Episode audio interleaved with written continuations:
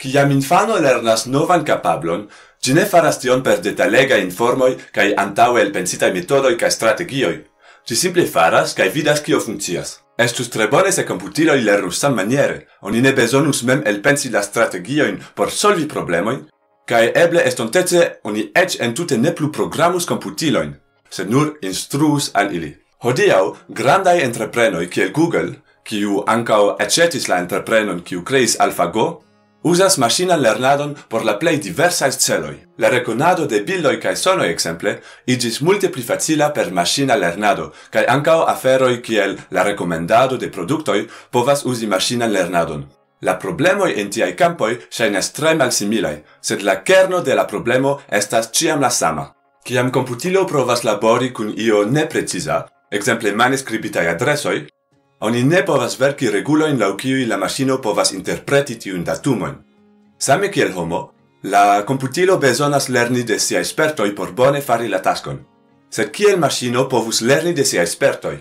Por masina lernado ne necesas computilo, Tio sonas strange, sed unu el la unuaj maŝinoj kiu sukcesis pliboniĝi sur base de spertoj estis farita el tricent kvar alumetaj skatoletoj. La ideo estis elpensita de Donald Mickey en 1961, kiu mem konstruis la skatoletaron kaj igis ĝin ludi tic-tacon. Tri en vico. Sur ciu scatoleto li desegnis eblan staton de la ludo ca enmetis divers colora in bidoin, Li nomis sian computilon menace, cae instruis al gi ne per reguloi, sed per ludi ducent dudec ludoin contra gi, cae igi gin lerni de sia espertoi.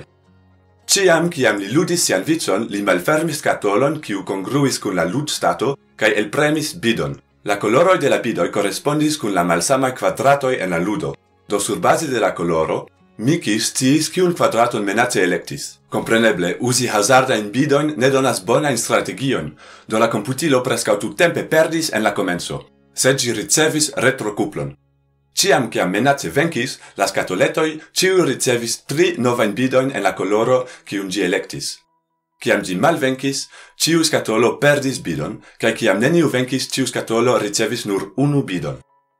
Tio signifis che chi amenace electis la giustan coloroin tut hazarde, di ricevis pli da bidoi en tiu coloro, cio igis la chanson che gi electus same estontece pli granda. La mala effico anca ocasis, cio igis gin eviti malbona in strategioin. Igis clare de la experimento che Menace rapide iris de perdi ciuin ludoin al ludi same bone kiel homo, ca cia Miki changis sian strategion, Menace povis sin adapti. En ci tiu video oni rekonstruis Menace cae lasis homojn ludi contra gi dum matematico conferenzo por vidi kiel gi lernas. Oni povas mem ludi contra Menace per digitala versio. Kompreneble, sistemo kun skatoletoj nur funkcias kun tre simplai ludoj. Por ludi ekzemple shakon aŭ goon, la kvanto de skatoletoj besonatai multe pli grandus ol la kvanto de steloj en la observebla universo. Por solvi tiun problemon, computiloi kiel AlphaGo uzas rusain metodoin por igi la calculadon pli efika, kai usas an anstatau hardvaron.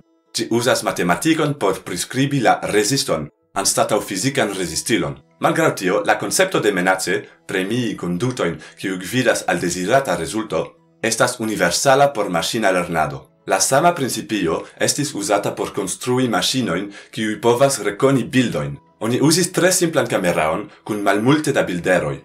Per tiu camerao oni fotis nigran muron kun blanca geometria figuro quel quadrato, triangulo au circo, au ex litero. La bildero poste estis interpretata de la machino, quiu consistis el multege da hazardai dratoi cae resistiloi cun etai motoroi. La tasco de la machino estis interpreti la figuron cae meti gin en categorion. Se gi giuste electis, giai motoroi changas la resistiloin tiel che la connectoi inter tiu dratoi igas pli fortai. Se gi malgiuste electis, la connectoi igas malpli fortai. Tiel oni creis positivan retrocuplon, kiu ebligis alla machino pli cae pli bone interpreti la bildoin. La machino et povis relerni kiam oni detruis 10% de la dratoi. Bedaurinde oni eltrovis che la sistemo nur funcciis cun simplai bildoi. Tro complexai bildoi confusis gin, kio haltigis designadon de pli bonai lernantai machinoi dum longa tempo. Hodiao existas programoi kiu povas tre facile categoriigi bildoin kai Depende de condicioi, povas ec pli facile fari tion ol homoi. La secreto estas che tiui programoi ne usas unu tavolon da connectoi, che la resistiloi en la analoga machino, sed plurai tavoloi, kiu influas uno la alien, same kiel la celoi en la cerbo. La malsamai tavoloi estas usatai de programo por detecti malsamain rilatoin inter la bilderoi. Tiel, parto de la connectoi povas servi por reconado de geometriae figuroi, dum alia parto respondezas pri visagioi au coloroi. Tio facte multe similas al kiel la cerbo reconas bildoin. La differenzo estas che dum homo devus studi dum iaroi por distingi inter exemple centoi de malsamai plantae specoj, porta computilo povas lerni la samon ene de tago. La sola afero kiu gravas estas che gi havu suffice da referencmaterialo por lerni kai suffice da computila forto. La kerna concepto de artifarita intellecto estas tio mutila, che giei applicoi trovastas por prescribi en citiu filmeto. La presentita exemploi ja montras tamen che artifarita intellecto povas esti io simpla kaj tushebla, cae che ec simplai obiectoi kiel scatoletoi povas igi intelligentai. Artefarita intellecto to essence ne dependas de la objecto kiu faras la pensadon, se la reguloi lau kiu gi pensas. Alia afero kiu evidentigas estas ke artefarita intelekto estas nenio nova. Kalkulado estis rigardata kiel tasko por la intelekto, ĝis oni ekkreis kalkulilojn, kiu pli rapide kaj precize kalkulis ol homoj. Post tio ŝako iĝis la tasko por inteligentuloj, ĝis ŝakomputiloj ekvenkis homojn. Estonte, intelekto estos povi konvinki homojn pri tio ke oni estas homo sed programoj kiuj tekste aŭ voĉe helpu klientojn iĝas pli kaj pli konvinkaj. Generale, oni do povas diri ke homoj difinas intelekton kiel ĉio kion komputiloj ankoraŭ ne povas, ĉiam pli altigante la kriteriojn. Iom maljusta, ĉu ne? Saluton. Mi estas Carlos, kai unue mi volas parolpeti. Eble vi jam rimarkis ke ni procrastis la afiŝon de tiu ci video. Do tio casis, char mi havas nomal laboron kai char mi estas tiu kiu muntas ilin, mi ne havi suffice da tempo. Mi pardon petas pro tio. Sed, due, mi volas peti mian helpon. Por eviti che tiu ci situatio casos de nove, ni besonas pli da collaborantoi. Do, se vi emas kai povas, vi povas alpinin iae, ne gravas tiel. Ciu helpo estas momena. Kai nun, aclacu la videon, mi shatis tiu ci videon, comentu, kai ne forgesu disvastigegin. Cis la pronta!